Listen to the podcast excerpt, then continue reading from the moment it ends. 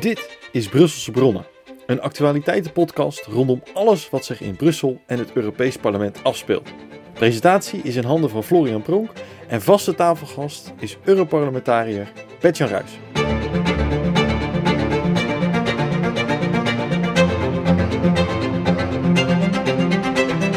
Leuk dat je luistert naar een nieuwe aflevering van Brusselse Bronnen. Misschien heb je ons al vaker beluisterd via Spotify, maar misschien hoor je ons nu voor het eerst op de Reformatorische Omroep. En goed nieuws, vanaf nu hopen we dat we elke laatste donderdag van de maand te horen zijn op deze omroep. Nou, mijn naam is eh, Florian Broek en onze vaste gast aan tafel is uh, Europarlementariër uh, Bertjan. Hij zit namens de SGP binnen de ECR-groep. Naast onze tafelgast hebben we ook iedere aflevering een speciale uh, gast. En dit keer is dat René van Rijkenvorsel, journalist voor de Elsevier en sinds augustus 2021 correspondent uit Brussel. René, ik heb me laten vertellen dat je ook adellijk bloed door je aderen hebt stromen. Klopt dat een beetje? dat is grappig. Uh, ik ben de laagste adel die er bestaat. Dat is jonkheer. Dus je hoeft me niet met baron aan te spreken of iets dergelijks. Oh. Uh, en dat is in het, in het Engels is dat esquire, geloof ik. En in het Frans écuyer ben ik daar achter gekomen. Maar ik, ik doe er verder niet zo heel erg uh, aan eigenlijk. Ik nee. titel nooit. Nee. nee. Nou, dan, dan, kunnen we misschien gelijk starten. Jij maakt zelf ook uh, podcasts uh, voor de Elsevier. En ik geloof dat jij dan uh, altijd begint met een nieuwtje over Brussel. Dus nou, ik ben heel benieuwd. Uh, Bert-Jan ook, denk ik. wat is jouw nieuwtje in deze podcast? over Brussel. Ja, maar dan niet over de EU Brussel, maar over Brussel, de stad Brussel zou het dan gaan. Ja, ja ik, had, ik zou, had eigenlijk mijn eigen podcast. Die heet Bruxelles, als de luisteraars het misschien interessant vinden. Van EW, Elsevier Weekblad. Uh, en ik had deze week zullen opnemen, waar het niet dat mijn, mijn Florian Matthijs, die, uh, die heeft, heeft corona, dus dat ging niet door. Maar ik had bedacht dat ik iets zou doen over het initiatief hier om, uh, om duiven eigenlijk, de populatie duiven kleiner te maken. Er is hier veel overlast van duiven. En uh, ze hebben nu een soort graansoort ontwikkeld die tegelijkertijd anticonceptie is. Ik weet niet oh. hoe de SGP hierover denkt, maar het lijkt mij wel een goed idee in elk geval. Dus dat zou mijn verhaaltje zijn geweest eventjes over... Uh, Oké, okay. uh, nou, we kunnen het nu bij, bij Bertjan neerleggen. Hoe, hoe, denk jij daarover, uh, Bertjan? Nou, heel, heel, eenvoudig. Als er sprake is van duivenoverlast, dan moet je dat kunnen aanpakken, vind ik. En uh, er zijn mooie methodes voor. Dus, Ja, heel mooi. Ja, want um, ja, allereerst willen we het even, toch wel even hebben over de actualiteit. Hè. terwijl we deze podcast opnemen, speelt de oorlog in Oekraïne nog. Um, ja, de, Europese Unie houdt zich daar ook heel druk mee bezig. Uh, zijn daar natuurlijk uh, bij betrokken. Ja, wat krijg je hier nou van mee, uh, Bert-Jan? Best veel. Ik kan gerust zeggen dat onze agenda hier in Brussel momenteel voor een belangrijk deel bepaald wordt door de ontwikkelingen in Oekraïne. Kijk, als het gaat over het sanctiepakket en als het gaat over het leveren van wapens bijvoorbeeld aan Oekraïne. Dat zijn natuurlijk zaken waar het Europees Parlement als zodanig niet over gaat. Nee. Daar gaan de regeringsleiders over, daar gaan de landen over. Maar als parlement hebben we natuurlijk wel een mening over. En uh, nou ja, we hebben ook in het Europese parlement al een, een, resolutie aangenomen. waarin we een bepaalde richting aangeven. Kijk, ik vind het ook heel belangrijk om van het Europese parlement ook te laten zien, ook aan Oekraïne, dat we eensgezind zijn. Dat we ze helpen, dat we achter ze staan. Dat we tegelijkertijd ook inzien ja, dat we tegen grenzen aanlopen. Dat we ze niet alles kunnen bieden wat ze eigenlijk graag zouden willen. Maar wat we kunnen doen, wat in ons vermogen ligt, dat willen we vanuit de Europese Unie ook zeker graag doen. In de sfeer van vluchtelingenopvang, humanitaire hulp, wapens leveren, sancties opleggen aan, aan Poetin om hem zeg maar uh, een toontje lager te laten zingen. Ja, ja want uh, logischerwijs volgt er dan uh, toch de vraag die je overal hoort. Moet Oekraïne dan bij de Europese Unie aangesloten worden? Hoe, hoe zie jij dat? Ja, de voorzitter van de Europese Commissie, mevrouw von der Leyen, heeft het ook gezegd. Hè? En het Europese parlement heeft zich daarachter geschaard. Die hebben ook gezegd dat is een goed idee. Oekraïne moet op termijn lid worden van de Europese Unie. Ik vond dat niet verstandig om dat zo naar voren te brengen omdat ik zelf de indruk heb dat Oekraïne daar zeker in dit stadium totaal niet mee geholpen is. Dit soort uitingen zie ik vooral als olie op het vuur. Dit helpt gewoon niet. Omdat Poetin zich dan nog meer in de hoek gezet uh, voelt als het ware. En het is ook helemaal niet nodig om daar in dit stadium over te filosoferen. Nee. Wat we moeten doen is Oekraïne nu concreet helpen. Hè? Vluchtelingenopvang, humanitaire hulp, uh, wapens leveren. Um, en, en een, een, ambitieus sanctiepakket opleggen. Ja, René, eh, als jij dit zo, uh, zo meemaakt, ook die, die oorlog, je zit hier in Brussel, gaat jouw journalistenhart hier een beetje sneller van kloppen? Nou, van de oorlog gaat mijn hart niet harde kloppen eerlijk gezegd. Want dat, uh, het is natuurlijk vreselijk wat er allemaal gebeurt. Maar uh, ja, het is wel opwindend inderdaad. En het is ook heel erg opwindend om te zien wat er allemaal voor krachten loskomen hier in, hier in Brussel. En dat dan zowel bij de Europese Unie als bij de NAVO. Het gevolg van, uh, van deze inval, aanval van Poetin op Oekraïne is eigenlijk dat de NAVO is enorm versterkt. Uh, dat is, uh, er gaan landen bij komen binnenkort. Denk aan Zweden en Finland. Maar ook de Europese Unie ja, heeft toch heel krachtdadig en heel erg unisono maatregelen getroffen. En is eigenlijk gewoon eensgezinner dan ooit. En, um, nou, en als we even terugkijken naar, naar de NAVO. Landen als Frankrijk en Duitsland, die eigenlijk gewoon ja, bijna geneigd waren om de NAVO vaarwel te, te zeggen het als, een, als, als, een overbodige club uh, beschouwde. En dacht dat Amerikanen die meer zouden meedoen. Ja. ja, dat is ook helemaal omgedraaid. De Amerikanen zijn meer involved dan ooit in de NAVO, lijkt het wel. En Frankrijk en Duitsland, ze, ze voelen zich ook helemaal senang daar. Dus het eigenlijk, eigenlijk vind ik die krachten die zijn losgekomen door die, door die aanval uh, wel, wel heel bijzonder om te zien. Ja, want uh, je, je, jij spreekt over krachten. Uh, je ziet dan vooral de, de, internationale betrekkingen hier in Brussel. hoe zie jij de rol van het Europees Parlement daarin? Met alle respect is het, is het Europees Parlement natuurlijk ja, niet, niet van heel groot gewicht hierin. Want, want inderdaad, wat, wat, wat Bert-Jan terecht zegt, de regeringsleiders beslissen. En ook, ik vind de rol van de commissie, we hadden het net over Van der Leyen ja, die trekt, die trekt dan ook een te grote broek aan op een verkeerd moment inderdaad. Dat had ze ook niet moeten doen, ben ik helemaal met Bertjan eens. Maar het zijn vooral de regeringsleiders die ook om de haverklap nu bij elkaar komen. En vorige week in Versailles, volgende week zijn ze weer hier en dan komt Biden ook hier. Uh, die, uh, ja, die de beslissingen nemen en de commissie voert dat uit. Maar wat het parlement deed bijvoorbeeld uh, met het grote vertoon van solidariteit aan Oekraïne. Een vergadering waar ook, waar ook de Oekraïense president Zelensky sprak ja, dat was wel heel, heel indrukwekkend. Dat is dan, dus ik denk dat het Europarlement ook wel een beetje een symbolische functie heeft dan van dat staat voor het volk van Europa en dat volk van Europa steunt via het Europarlement Oekraïne. Ja, ja, helder. Um, ja, want uh, hoe, hoe ben jij betrokken bij, bij dit hele verhaal, uh, Bert-Jan? Waar, waar zet jij je voornamelijk voor in? Ja, hoe, hoe sta jij erin? Ik sluit me wel aan bij wat René net zegt. Van denk, denk dat we als parlement ook een belangrijke rol hebben in zeg maar het bieden van een soort uh, platform om in gesprek te gaan, ook met, met uh, mensen uit Oekraïne. Hè. Onlangs hebben we, vorige week was dat, hebben we bijvoorbeeld negen parlementariërs uit Oekraïne ontvangen in het Europees Parlement in Straatsburg. En dan zie je hoe, hoe dat ook enorm op prijs wordt gesteld. Hè? Als we ook laten zien dat we met ze in gesprek willen gaan uh, om te kijken wat, wat, wat, wat we voor elkaar kunnen betekenen. En dan is die eensgezindheid, die ik ook in het parlement zie, is dan ook inderdaad wel heel erg belangrijk. Ja. Kijk, waar ik me vooral ook op richt, eh, als het gaat over eh, de Oekraïne-oorlog, is het, het, het, vraagstuk: wat betekent dit allemaal nou ook voor Europa? Wat betekent dit voor verschillende sectoren, zoals de landbouw, voor de, onze voedselzekerheid, voor, onze, voor de visserij? Daar zijn wij volop mee bezig. Deze dag bijvoorbeeld heb ik ook verschillende commissievergaderingen. En denken we na over de vraag: ja, hoe zorgen we ervoor dat we onze voedselzekerheid wel uh, blijven garanderen. Ja, want die staat wel onder druk. Die staat erg onder druk. Oekraïne wordt niet voor niks de graanschuur van Europa genoemd. Ook heel veel meststoffen eh, komen uit Rusland. Eh, kunstmest. Dus je ziet de, de, de prijzen van kunstmest gigantisch stijgen.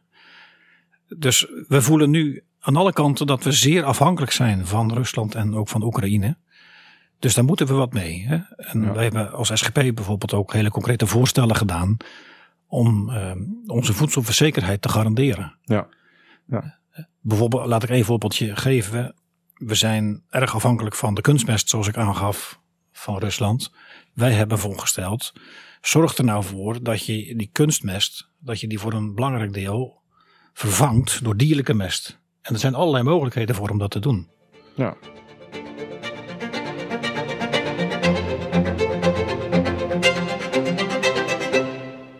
René, je bent uh, journalist of uh, correspondent voor de, voor de Elsevier hier in Brussel. Waar heb jij nou je het afgelopen half jaar uh, hier, hier zoal mee bezig gehouden? Want ik kan me voorstellen dat je je niet met alles hebt bezig gehouden. Um, ik ging naar Brussel. Ik ben 15 augustus begonnen in Brussel. en dat was de dag dat Kabul viel. Oké. En ik ging naar Brussel en ik dacht, ik ga allemaal achtergrondverhalen maken, eigen thema's bewandelen en uitzoeken en daar grote verhalen over maken voor Elsevier Weekblad. Uh, en de realiteit is dat het gewoon één grote actualiteit, non-stop actualiteit show is. Het, het, het, ene is nog niet voorbij of het andere gebeurt alweer, met nu als dramatisch hoogte slash dieptepunt Oekraïne. Maar je hebt nog dat Wit-Rusland-crisis gehad. Je hebt nog die rechtsstaatcrisis gehad in Hongarije en Polen. Allemaal dingen die gewoon ja, heel erg nieuwswaardig zijn. En waar de lezer van, eh, van EW ook, uh, ook over op de hoogte wil worden gehouden. Ja, dus je bent vooral bezig met de waan van de dag. Nou ja, de waan, ja, ik probeer dan de waan van de week bij te houden oh. Maar ja, een beetje, je moet altijd een beetje voor uitkijken en een beetje andersoortige verhalen proberen te maken. Maar het is me tegengevallen hoe, ja, hoe, hoe dwingend de actualiteit eigenlijk is uh, hier als je correspondent bent. Uh, en ik hoop op uh, dat er binnenkort rustige tijden komen, dat ik wel een beetje wat verhalen kan gaan maken. Nou ja, bijvoorbeeld over Europese landbouw en stikstof en dergelijke. Maar dat, ja, dat laat een beetje op zich wachten, omdat ik gewoon elke keer ja, min of meer door het nieuws en ook wel op, door de vraag van de redactie en de lezer wordt gedwongen om over actualiteit te schrijven. Ja, wat is nou als je het afgelopen half jaar beziet eh, het belangrijkste uh, stuk waar je bijvoorbeeld mee bezig bent geweest? Uh, wat, wat de lezer hebt kunnen lezen? Nee, nou dat, uh, dat, weet, dat weet ik even niet zo goed. Ik heb veel over migratie geschreven en zo. Weet je, wat ik dan leuk vind is een soort verhaal te maken dan met, de, dat doe ik dan ook wel een beetje België. Je hebt een hele leuke, aardige jonge staatssecretaris voor, voor asiel en migratie hier. Sammy Medi heet hij, hij is 233. Nou, daar heb ik een heel leuk mooi interview mee gemaakt bijvoorbeeld. Dat vind ik ook heel leuk om te doen. Uh, maar verder, ja, het is, ja, ik heb, ik heb een hele lijst bijgehouden, want ik heb al geschreven. Die is echt wel erg lang. Maar ik heb er niet echt van dat ik heel de, de onthulling van het afgelopen half jaar in Brussel al uh, op, op mijn naam heb staan. Nee, helaas. Nee, nee ik snap het. Uh, is het moeilijk om verslag te doen over de Europese Unie? Ja, vind ik wel. Um, uh, het is uh, moeilijk. Het is, ik moet zeggen dat wat dat betreft ben ik een groot fan van het Europarlement. Dat Europarlementariërs zijn zeer toegankelijk. Uh, altijd bereidwillig. kun je altijd benaderen. Kun je altijd bellen, appen. En dan heb ik heel met, ja, tal van Europarlementariërs heb ik uitstekend contact. En, en het is veel moeilijker om in de Europese Commissie, de ambtenaren zou ik maar zeggen, dat, en bij de Europese Raad om daar ook een goed netwerk op te bouwen. Ja. Dat is toch uh, lastig. Dus je moet wel hebben een beetje van de, de diplomatische circuit, Europees parlement. Dat zijn echt de belangrijkste. Uh, ja, en daaromheen heb je natuurlijk wat lobbyisten en dergelijke. Ja. Maar, in die, maar juist in die, in die wat ambtelijke sferen van de raad en de, en de commissie is het moeilijker om je, om je connecties te krijgen en om daar ook nieuws uit te kunnen halen. Maar ja. misschien dat dat met, met de tijd gaat komen hoor. Dat ja. zit hij pas een half jaar, zeg ik dan. Dus nee, ja, daarom. ook niet zo lang. Nee, ik snap het. Uh, Bert-Jan, hoe, hoe, belangrijk is nou die, die verslaggeving over de Europese Unie, bijvoorbeeld ook naar, naar Nederland toe? Dat is een open deur natuurlijk, maar... Die verslaglegging is ontzettend belangrijk, omdat hier echt heel veel gebeurt. En mensen hebben daar soms onvoldoende zicht op. Er worden echt mega besluiten hier genomen. Hè, over, uh, nou, noem eens iets. Uh, hoe gaan we met onze inflatie om? Hoe gaan we met onze energietransitie om? Hoe snel gaat dat allemaal? Over onze voedselzekerheid, uh, de visserij. Uh, geven we ruimte voor innovatieve methodes? Uh, blijft het verbod op de puls gehandhaafd? Dat soort besluiten worden hier allemaal genomen. Ja. En er is best weinig zicht op. Dus daarom kritische journalistiek, die volgt wat hier aan de, aan de hand is. En die ook probeert een beetje de, de langere termijn strategieën die hier worden uitgesteld, om die eens goed zeg maar, tegen het licht te houden, is ook heel erg belangrijk. Ja, nee zeker. Dat, uh, dat denk ik ook. En uh, ik zie René knikken, dus die uh, is het er alleen maar mee eens. nou ben je journalist. En nou stel ik je de vraag in de podcast, maar ik wil je toch de mogelijkheid geven om eens een kritische vraag aan Bert-Jan te zijn. Misschien is het input voor je volgende stuk. Um, nou ja, ik, je, je sprak net eventjes over die dierlijke uh, kunstmest. Laten we maar even iets wat, uh, wat, wat net ter sprake kwam, ja. uh, kwam blijven. want die vraag kwam wel in me op. Heeft dierlijke kunstmest stoot misschien veel meer schadelijke stoffen uit dan, dan kunstmatige kunstmest? Waardoor dan weer je gedoe krijgt met, met stikstof of PFAS of al die andere zaken die ons allemaal in de politiek vooral zo bezighouden. Dat valt reuze mee, is mijn inschatting. Kijk, dierlijke mest hebben we natuurlijk al. Hè? Zeker in Nederland hebben we best veel dierlijke mest. En je loopt nu aan tegen het feit dat boeren hun mest moeten afvoeren. Uh, en dat ze zeg maar de rest moeten aanvullen met kunstmest. Om hun percelen zeg maar vruchtbaar te houden. En dat is natuurlijk een hele merkwaardige situatie. Boeren ja. hebben voldoende mest. Hè, wat, waar, waar, waar mineralen in zitten, stikstof bijvoorbeeld, wat hard nodig is voor de plantengroei. Maar dan mogen ze niet allemaal gebruiken. Dan moeten ze afvoeren. Dan moeten worden verwerkt. Of uh, dan moeten worden afgezet bij een ander bedrijf. En tegelijkertijd moeten ze dat gat uh, gaan opvullen met, met kunstmest. Ook voor de footprint is dat heel slecht. Want ook het maken van kunstmest, ja, daar, is, daar komt natuurlijk heel veel energie ja. bij kijken. Dus eh, mijn inschatting is dat het ook voor de footprint, maar ook voor de duurzaamheid gewoon veel beter is om kunstmest te vervangen door dierlijke mest.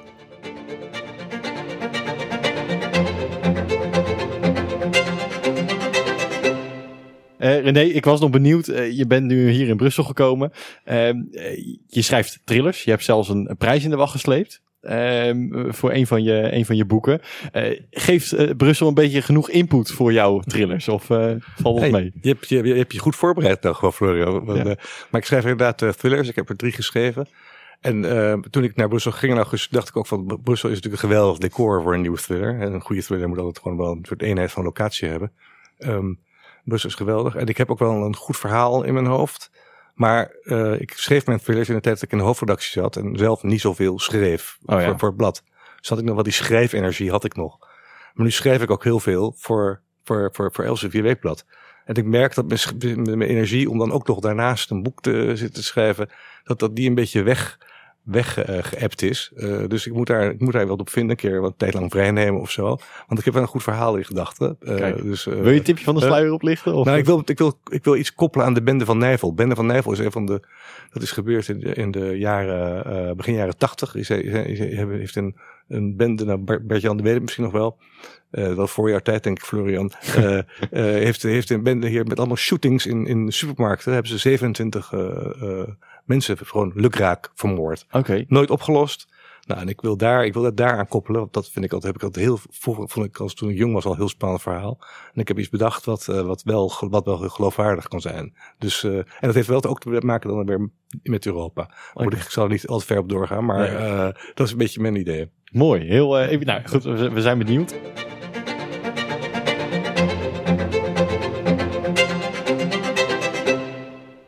We hebben in deze podcast ook een aantal vaste rubrieken. En een daarvan is uh, ja, of je een favoriet Bijbelvers bent. En ik ben eigenlijk wel benieuwd of je, of je nou goed, de Bijbel wel eens leest. En of je misschien een vers hebt wat je kan herinneren. Ik zie je hard denken. Ja, ik moet echt heel hard denken. Ik ben wel ik ben katholiek opge, opge, opgevoed.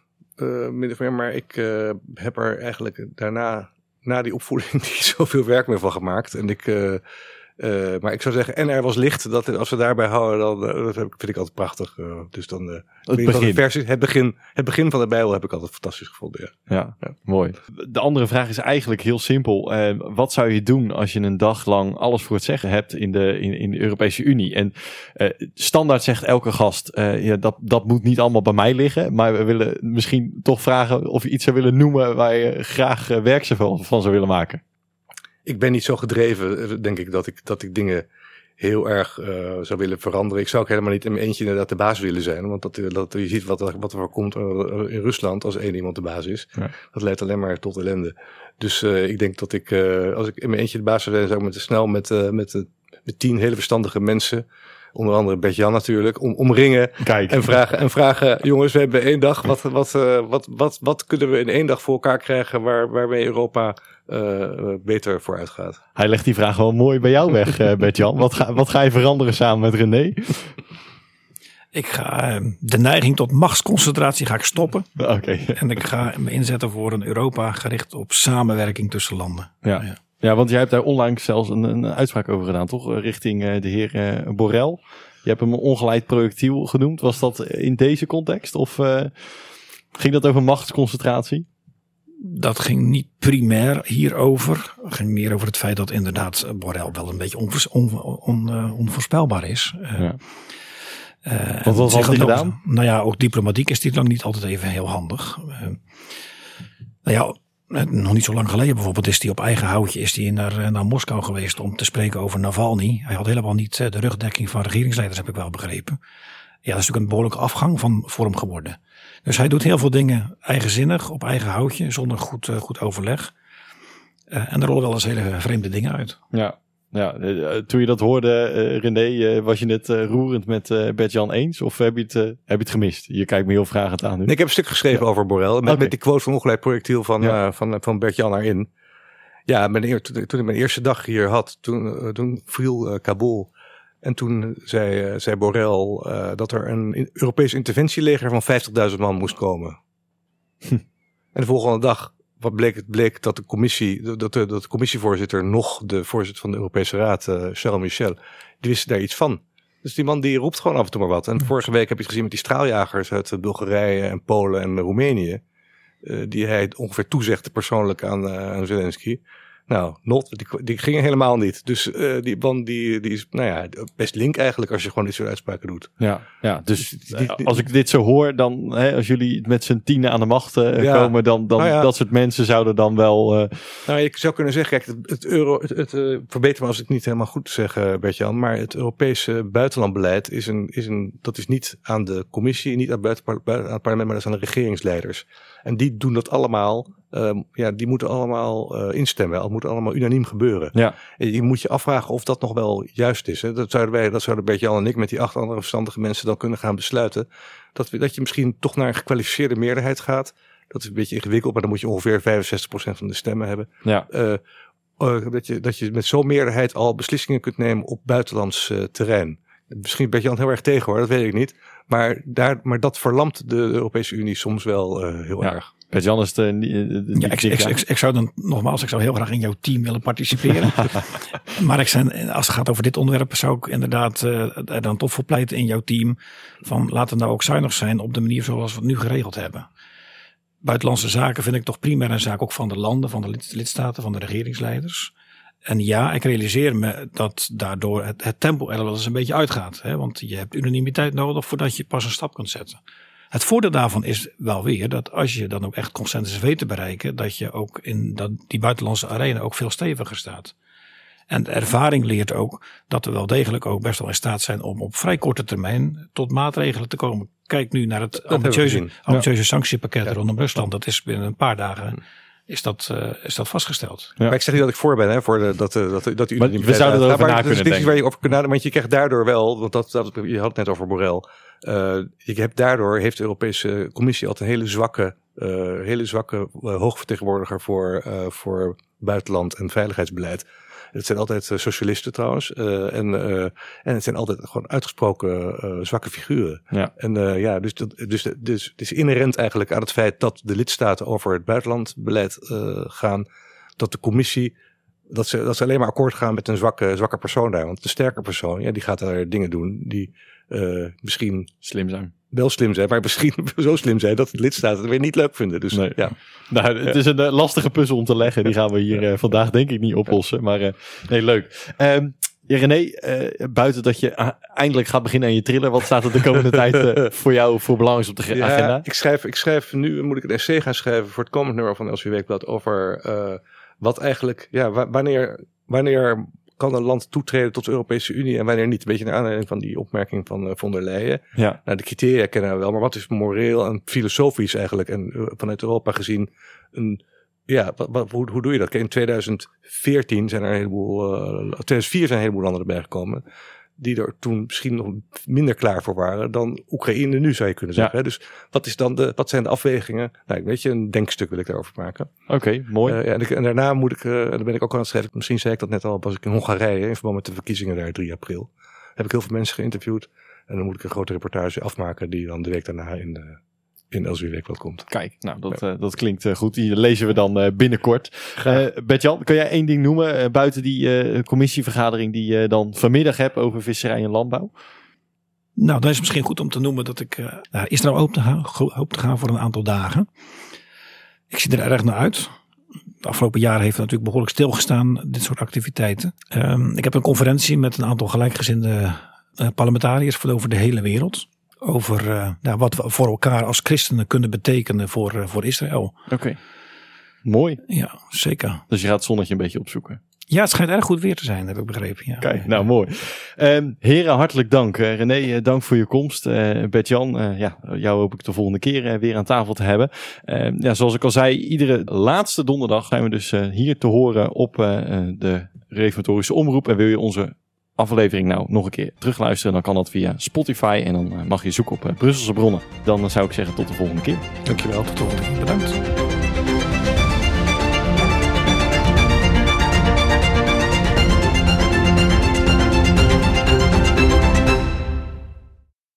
Deze podcast wordt gefinancierd door de ECR Groep.